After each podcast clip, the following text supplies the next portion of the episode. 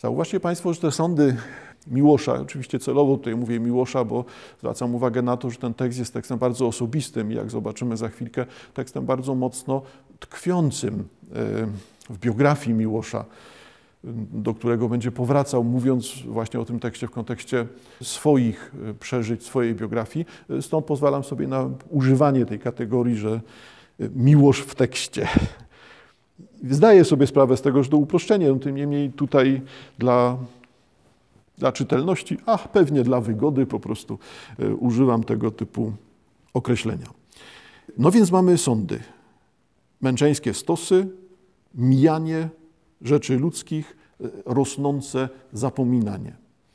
No i wprowadzane jest ja, czyli to miłoszowskie ja. Zauważcie Państwo, bardzo mocno wyakcentowane zaimek ja pojawiający się na pierwszym miejscu jako e, pierwszy element e, kolejnej strofy, no przecież jest e, celową ekspozycją.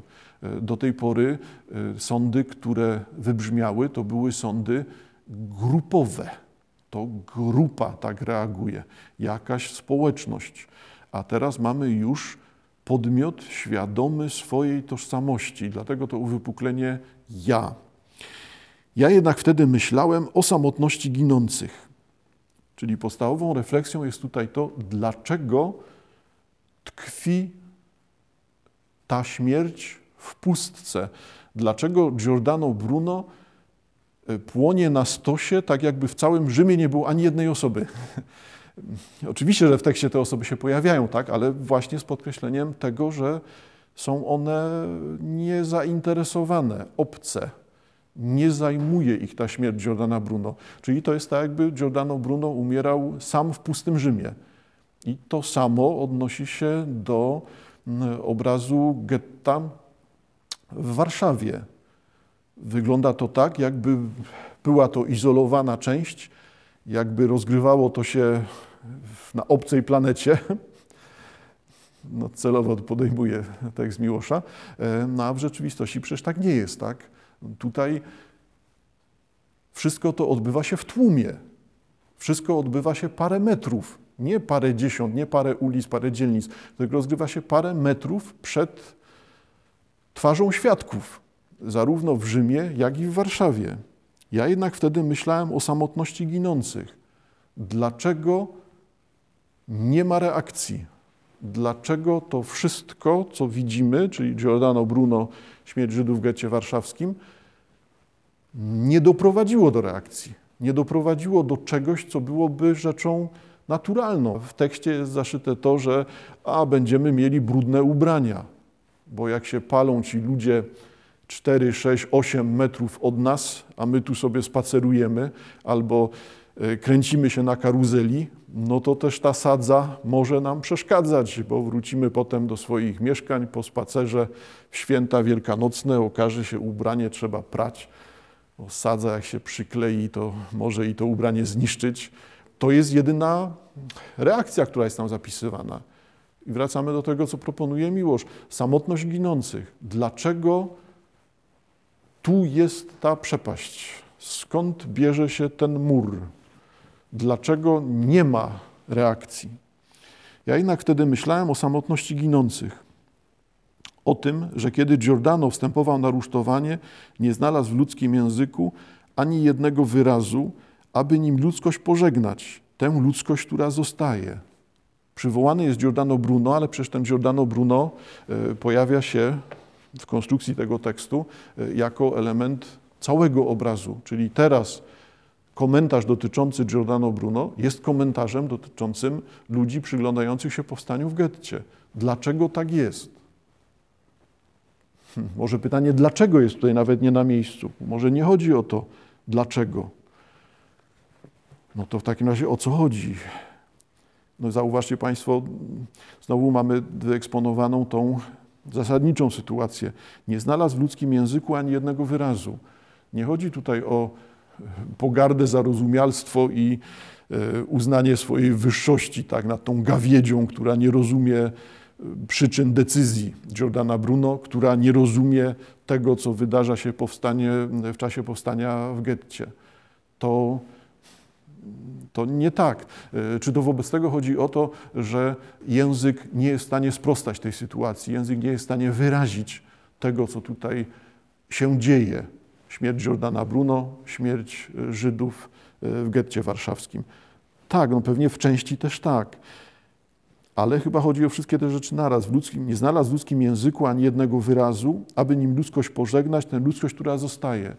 To jest ta przepaść, to jest to bycie z innej planety, to jest to wyodrębnianie siebie. To jest to wyrwanie siebie ze świata materii, świata doczesności, jeżeli wolimy tak, i, i w tej skrajnej sytuacji człowiek nie jest w stanie przekroczyć tej granicy pomiędzy doczesnością, tym miejscem zawieszenia, tą przestrzenią pomiędzy światami, w której teraz znajduje się Giordano Bruno e, czy e, Żydzi w getcie, Żydzi umierający w getcie warszawskim, a tym światem, który nastąpi za chwilę, tak? tym światem, który będzie światem po śmierci, światem wieczności. Nie ma mostów, nie ma tym bardziej języka, który by posłużył. No, staram się teraz mówić o czymś, co z założenia, jak sam mówię, jest niewyrażalnym zjawiskiem. Kolejna strofa e, tekstu. Następuje śmierć. Śmierć Giordana Bruno. E, giną Żydzi w Warszawie. Co pozostaje? No, ta ludzkość, która jest tutaj. Ludzkość w doczesności. Już biegli wychylać wino, sprzedawać białe rozgwiazdy, kosze oliwek i cytryn nieśli wesołym gwarze. I był już od nich odległy, jakby minęły wieki, a oni chwilę czekali na jego odlot w pożarze. Pojawia się kontekst czasu i dlatego ten kontekst właśnie wieczności, o którym wspominam, tego przejścia do świata poza czasem, do świata, który, mm, który funkcjonuje w inny sposób. Tak? Jest światem nieskończoności, wieczności światem boskim, czy z boskim punktem widzenia. No, znowu upraszczam, ale staram się odnaleźć jakby prostą, prosty język, świadomy tego, że nie za bardzo ta prostota pasuje do, do tekstu Miłosza. I w takim razie uwagi znowu o tej barierze, o czymś niewyrażalnym, o tym, że tego języka nie da się odnaleźć, nie da się nazwać tej sytuacji. Y, ostatnia część tekstu. I ci ginący samotni, już zapomnieni od świata, język nasz stał im się obcy, jak język dawnej planety. Aż wszystko będzie legendą i wtedy po wielu latach na nowym Campo di Fiori bunt wznieci słowo poety. Z jednej strony mamy tutaj w końcowej y, części tekstu powrót do tych, do samotności, do samotności ginących, do zapominania, do obcości języka, do nieobecności języka, nieistnienia języka, który potrafiłby tą sytuację nazwać, a z drugiej strony właśnie to ten ratunek, to sięgnięcie do przeszłości, sięgnięcie do tego, że przecież nie chodzi tylko o Giordana Bruno e, i śmierć Żydów w Gęcie Warszawskim, chodzi tutaj o to, co już wielokrotnie miało miejsce. Tak? Te dwa obrazy poetyckie nie zamykają sprawy. No, taka sytuacja tego typu bezsensownej śmierci, tego typu mordów, okrucieństwa ludzkości powtarzała się w, we wszystkich tysiącleciach, stuleciach, na wszystkich kontynentach. Po prostu wszędzie znajdziemy to samo. Gdy to już stanie się przeszłością, gdy, to, gdy te sytuacje zapiszą się do na świata naszej wyobraźni, staną się naszymi legendami, naszymi opowieściami z przeszłości, opowieściami wyjaśniającymi to, kim jesteśmy. Jeżeli to przeżyjemy wpiszemy w siebie, uczynimy częścią siebie, i to wszystko widzę w tym momencie, aż wszystko będzie legendą. To nie jest taka prosta metafora wskazująca na upływający czas, zapominanie yy, i typowe dla historii upraszczanie, zagłaskiwanie pewnych spraw, tylko mówię właśnie o tej świadomości funkcji, o tym, że akceptacja, zrozumienie, przyjęcie, sprostanie, poradzenie sobie z tym, co jest taką przeszłością, może doprowadzić do tego, że po wielu latach, w następnych stuleciach, następnych tysiącleciach, na nowym Campo di Fiori, czyli na dowolnym kontynencie, w dowolnym miejscu, gdzie znowu będzie powtórka w takiej sytuacji, bunt wznieci słowo poety, czyli zaistnieje język, pojawi się język, pojawi się ktoś, który powie non possumus, który powie, e, że nie wolno się na to zgadzać, nie wolno, nie, nie wolno tego akceptować. Trzeba stanąć przeciw albo stanąć po stronie, ale nie być obojętnym. Trzeba y, zadeptać ogień stosu Giordana Bruno, y, albo trzeba dołączyć do niewinnych ludzi ginących w izolowanej warszawskiej dzielnicy. Jeżeli niczego nie jesteśmy w stanie zrobić, to obojętność jest najgorszym rozwiązaniem. No bo tego typu obojętność nie czyni nas obiektywnymi. Tego typu obojętność ustawia nas po stronie sprawców. Skoro nie jesteśmy ofiarą, jesteśmy sprawcami. Sięgam do e, obszernej, jak już wspominałem, książki Andrzeja Franaszka Miłosz, biografia. Kraków, 2011 rok. Na pewno warto ją przeczytać nawet parę razy, ale to taka ta uwaga belfrowska, pewnie niepotrzebna. I korzystam z, z tego, że Franaszek przywołuje tutaj wypowiedzi Miłosza. Jesteśmy dalej w kręgu zagadnień dotyczących wiersza Campo di Fiori, czy też tomu e, Ocalenie Czesława Miłosza z 1945 roku. Cytuję za Franaszkiem wypowiedź Miłosza. Na wiosnę 1943 roku, w przepiękną cichą noc, wiejską noc przedmieścia Warszawy, stojąc na balkonie, słyszeliśmy krzyk z getta.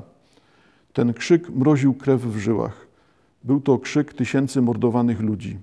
Leciał przez milczące przestrzenie miasta z pomiędzy czerwonej łuny pożarów pod obojętnymi gwiazdami w tę łaskawą ciszę ogrodów, której rośliny pracowicie wydzielały tlen, powietrze pachniało, a człowiek czuł, że żyć jest dobrze. Było coś szczególnie okrutnego w tym spokoju nocy, której piękno i zbrodnia ludzka uderzały w serce równocześnie.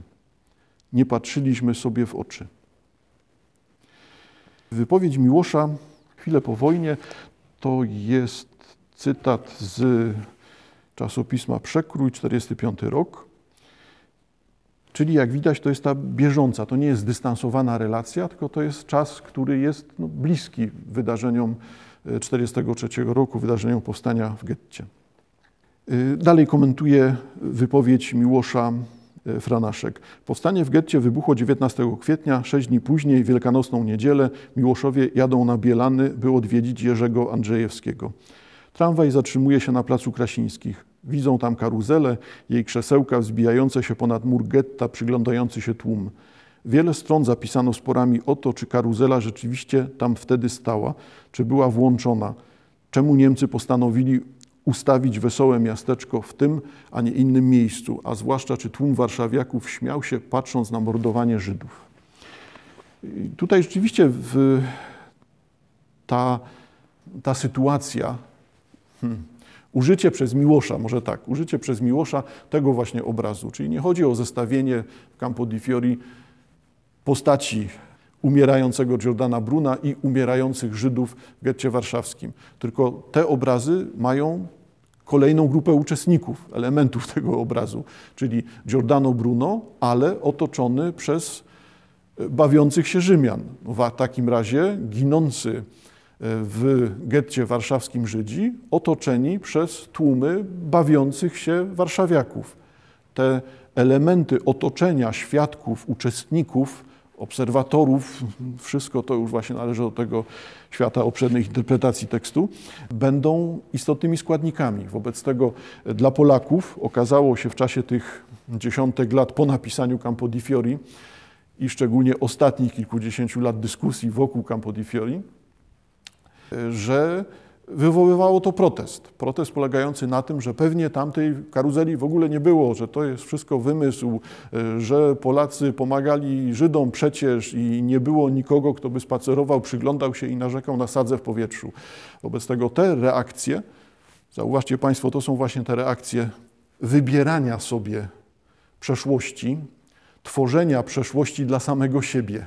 Wybiorę tylko te rzeczy, które mi pasują i z tego uzyskuję przeszłość, uzyskuję tło, uzyskuje bazę, jak chcemy, fundament, e, na którym buduje samego siebie. Tak, tylko właśnie ta wybiórczość jest oczywiście rodzajem samookłamywania. To już wspominałem na początku. E, Franaszek tutaj przywołuje tekst Tomasza Szaroty, e, Karuzela na Placu Krasińskich. Czy śmiały się tłumy wesołe? Spór o postawę warszawiaków wobec powstania w getcie. Czyli mamy obszerny tekst podsumowujący to, co się tam działo. Czy reakcją na powstanie w getcie był śmiech warszawiaków? To rozumiecie Państwo, co jest na pierwszym planie, tak? E, czy Polacy byli zadowoleni z zabijania Żydów w getcie? Czy, czy powstanie w getcie warszawskim ujawniło przede wszystkim antysemityzm Polaków? No to, to jest coś, z czym trudno sobie poradzić. No bo na jakiej zasadzie ktoś może być obojętny. Tak? To, co widzimy w Campo di Fiori. Pojawia się sadza, trwają, e, widać ogień, jest dym, e, pojawia się widok, czy też odgłosy umierania Żydów w getcie, Żydzi wyskakujący z okien płonących budynków, wybierający samobójstwo, ktoś, kto płonie żywcem, nie potrafiący wybrać tego samobójstwa, nie, nie, nie roztrząsajmy tego, bo tu rzeczywiście są to sprawy, sprawy przerażające, e, ale przerażająca nie jest tutaj sama śmierć Żydów, tylko przerażające jest to, że można po drugiej stronie ulicy, a to jest właśnie ta sytuacja, po drugiej stronie ulicy mur oddzielający getto, to jest często mur przez środek ulicy prowadzony, no więc po jednej stronie ulicy mamy śmierć, a po drugiej stronie ulicy mamy rodziny spacerujące z dziećmi, spacer po śniadanku wielkanocnym świat przyjemności i spokoju. To jest najbardziej przerażającym zdarzeniem. To, w jaki sposób sobie można tak zbudować świat, aby nie widzieć tego, co dzieje się kilka metrów obok mnie. Nie zastanowić się nad tym. Już nie mówię nie zaangażować się, bo to może jest rzeczywiście zbyt wysokim wymaganiem w tej sytuacji, ale jakakolwiek refleksja a tymczasem reakcją na to jest wymazanie. Taka sytuacja nie miała miejsca. Czyli tekst Szaroty, roztrząsane tam są wszystkie rzeczy, y, sprowadza to się do tego, że Szarota przywołuje szereg innych wypowiedzi, y, szereg innych y, świadków, źródeł, które potwierdzają, że po prostu tak to wyglądało, taka była reakcja i karuzela tam rzeczywiście była.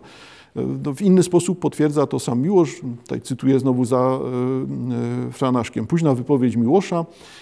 E, nigdy w dni powszednie nie jeździłem na Żoliborz i nie wiem jak wtedy było, ale jechaliśmy z Janką w niedzielę wielkanocną na Bielany.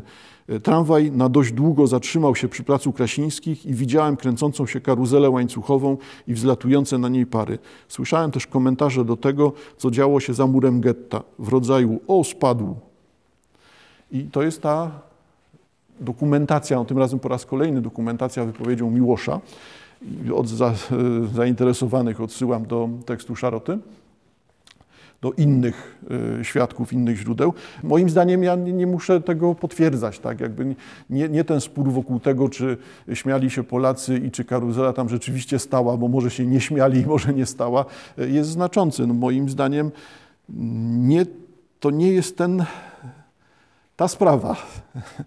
rzeczywistością jest albo obojętność, albo zadowolenie Polaków z likwidacji Żydów w czasie w getcie warszawskim, w czasie powstania w getcie warszawskim, no i jednak zrobię krok dalej, zadowolenie większości Polaków z trwającej zagłady na ziemiach będących tą Polską sprzed 1939 roku. Przyjrzyjmy się temu bliżej, czy rzeczywiście jest aż tak bardzo źle. Sięgam dalej do Franaszka. Y, choćby zgoła, by w polskim społeczeństwie całkowicie został zapomniany antysemityzm. Może już tego samego dnia Miłosz zapisał wiersz Campo di Fiori. Hmm?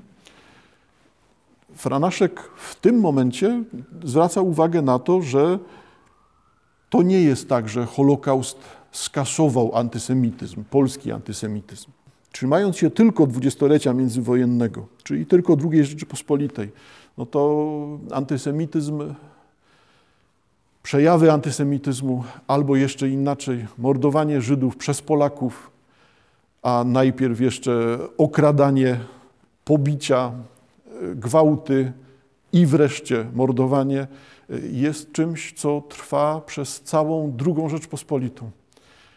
To jest taka sytuacja, w której widzimy bezustannie tak, to, to, tą powracającą reakcję, reakcję będącą nienawiścią, wybuchającą nienawiścią ze strony Polaków, nienawiścią do Żydów. Czy mówimy o y, pogromach w Lwowie, czy mówimy o y, licznych pogromach, samosądach, napaściach w terenie, na terenie samej Warszawy. No to te przykłady można mnożyć. Osławione protesty studentów polskich e, zmierzające do wprowadzenia numerus clausus, do ograniczenia obecności Żydów e, w, na terenie uniwersytetów, czy odebranie prawa e, Żydom do studiowania razem z Polakami no to, to są dalej tylko sygnalne wskazania. Po prostu prawicowa ideologia, ta bogoojczyźniana ideologia, tak, Bóg, naród, ojczyzna, no doprowadziła do tego, że antysemityzm był ogromną, wyraźną cechą społeczności polskiej. I dlatego może też ten e, efekt, nawet jeżeli zaistniał na terenie Polski Holokaust, którego wszyscy Polacy byli świadkami, a którego kulminacją, za którego kulminację można uznać powstanie w getcie warszawskim, uznać w tym sensie, że to jest to wydarzenie skupiające to zjawisko w jednym miejscu, ale no, przypominam znowu, że to nie jest dalej takie proste, tak, że Holokaust nie jest powstaniem. Tak. Holokaust to są te setki tysięcy ludzi zabitych na terenie getta warszawskiego, a nie sam moment powstania, które jest dyskusyjne. Dyskusyjne w sensie ze strony żydowskiej. To nie jest powstanie bohaterów. To Polacy wybierają sobie z tego wydarzenia ten wątek, który sami mogą stworzyć, który sami kreują, wpisując go w powstanie getcie warszawskim, które wcale nie wygląda na powstanie bohaterów, które nie jest powstaniem bohaterów to jedynie ta polska pamięć woli wpisać Żydów walczących z bronią w ręku w szereg wydarzeń, które są zapisem, odzwierciedleniem tego polskiego sposobu myślenia o świecie. Stąd rzeczywiście Franaszek sięga do Campo di Fiori, zwraca uwagę na, na te przepaście, na te nieporozumienia, które tutaj się pojawiają w tekście i wokół samego tekstu. I dalej sięgam do Franaszka. Mm, słowa te, chodzi o Campo di Fiori, e, rok później trafią do opublikowanej z inicjatywy Rady Pomocy Żydom Żegota antologii z otchłani, stając się najbardziej znanym polskim poetyckim głosem sprzeciwu wobec unicestwienia getta. A przecież po latach sam Miłosz nazwie ten utwór wierszem niemoralnym, popisanym o umieraniu z pozycji obserwatora. I w rzeczy samej jest w tym poruszającym poetyckim tekście jakaś skaza, zwłaszcza w jego finale, zbyt pięknym, w pewien sposób zbyt odległym od koszmaru. Hmm? I chodzi tutaj o te ostatnie słowa, że na nowym Campo di Fiori bunt wznieci słowo poety. Zauważcie Państwo, co podkreśla tutaj Franaszek. Przywołując Miłosza, pisze o niemoralności tego tekstu. O tym, że ten tekst jest tekstem nieudanym, no, nie ma wprost takiego czegoś, mi się ten wiersz nie udał, tak, uważam go za słaby. Nie, nie, nie, to nie o to chodzi. Tylko użyty tutaj punkt widzenia, wpisanie tego, tej osoby, tego ja do tekstu sprawiło, że był on rodzajem zaczarowywania. Był rodzajem magicznego podejścia do rzeczywistości. Powiem coś o tym, określę swoje stanowisko, zapiszę to stanowisko i przesunę działanie na nieokreśloną przyszłość. Kiedyś, gdzieś, może bunt wznieci słowo poety, a teraz nic. I w tym sensie pojawia się niemoralność. Wiersz pisany o umieraniu, ale wiersz pisany z pozycji obserwatora.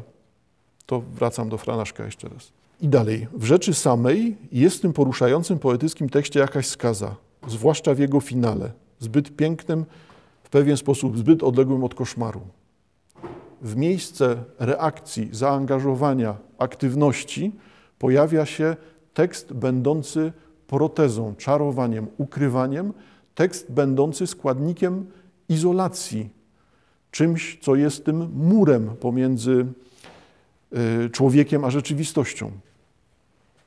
Jest rodzajem samousprawiedliwienia, jest rodzajem zaangażowania, ale zaangażowania pozornego.